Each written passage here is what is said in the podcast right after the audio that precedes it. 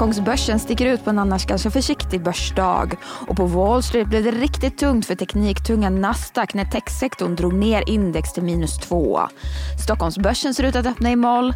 Det är fredag den 21 juli. Du lyssnar på DI Morgonkoll och jag heter Sofie Gräsberg.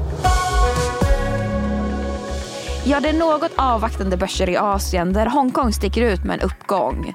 Nicken däremot tyngs efter att den japanska inflationen stigit i juni och nu ligger på 3,3 procent i årstakt från tidigare 3,2. Stigningen är i linje med förväntan.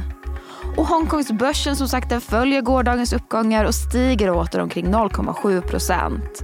Där är det framförallt hälsosektorn som stiger medan gårdagens vinnare fastighetsutvecklaren Country Garden tappar. Fastlandskina däremot ser lättare uppgångar efter stimulanser för att öka konsumtionen i landet fått upp flera konsumenthandelsbolag. Men det var bra dystert på Wall Street igår när techsektorn stod för ett rejält ras. Breda S&P 500 föll 0,7 procent medan det tekniktunga Nasdaq stod för ras på dryga 2 procent. Där såg bolagsjättarna Tesla och Netflix nedgångar på dryga 9 och 8 procent. Netflix föll eh, efter att intäkterna kom in lägre än väntat och bolaget flaggade för lägre marginaler i nästa kvartal. Även Tesla föll efter att marginalen väckt oro där bruttovinstmarginalen klockat in på 18,2 procent.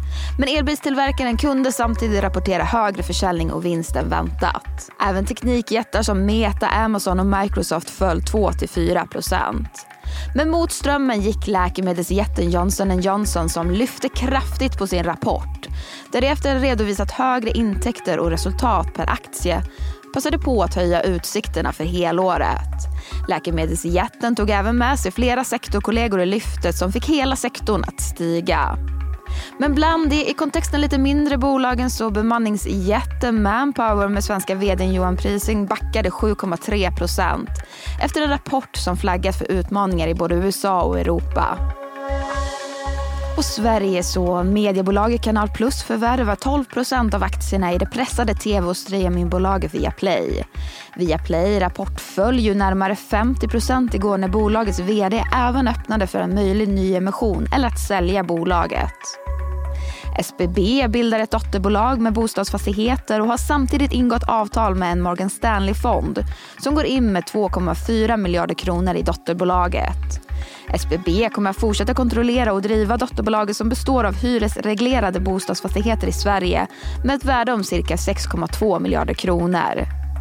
Men vi ska inte glömma bort att vi åter har en rapportung dag framför oss.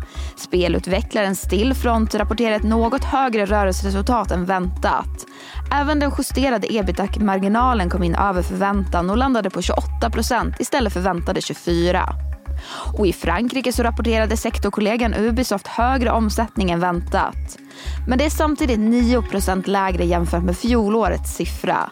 Bolaget upprepar sin helårsprognos.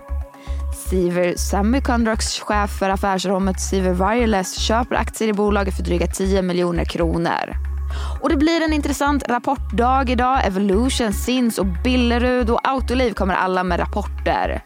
Missa inte att Rapportmorgon sänder från halv åtta med vd-intervjuer som du hittar på di.se senare. Men det var allt för den här nyhetsuppdateringen. Det är tillbaka igen på måndag. Jag heter Sofie Gräsberg.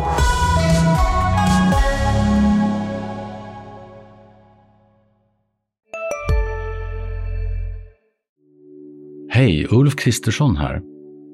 På många sätt är det en mörk tid vi lever i. Men nu tar vi ett stort steg för att göra Sverige till en tryggare och säkrare plats. Sverige är nu medlem i Nato. En för alla, alla för en. Har du också valt att bli egen?